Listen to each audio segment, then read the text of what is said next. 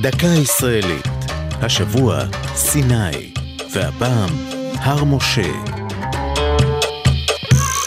מעמד הר סיני, שבו קיבל משה רבנו את התורה, היה למאורע קדוש, שבו התגלה אלוהים אל בני ישראל. אולם הר סיני, ששם, לפי האמור בספר שמות, קיבל משה את לוחות הברית, מעולם לא זוהה. המסורת הנוצרית ממקמת את הר סיני בג'בל מוסא. מסורת זו, שהתקבעה במאות הראשונות לספירה, היא שנתנה להר את שמו בערבית. ג'בל מוסא הוא הר משה. אולם יש הטוענים שלא זה המקום, כיוון שהוא דרומי מדי, ואיננו על הדרך בין מצרים לארץ ישראל.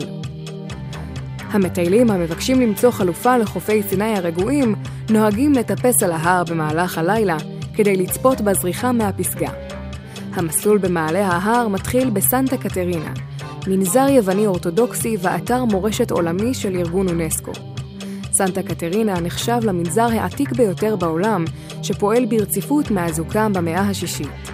שמו המקורי של המבנה הוא מנזר ההשתנות, אך מאז נבנה לא נהרס והשתנה מעט מאוד. בספרייתו נמצא האוסף הגדול ביותר של כתבי יד, מגילות וחיבורים בעולם, אחרי אוסף הוותיקן ברומא. זו הייתה דקה ישראלית על סיני והר משה.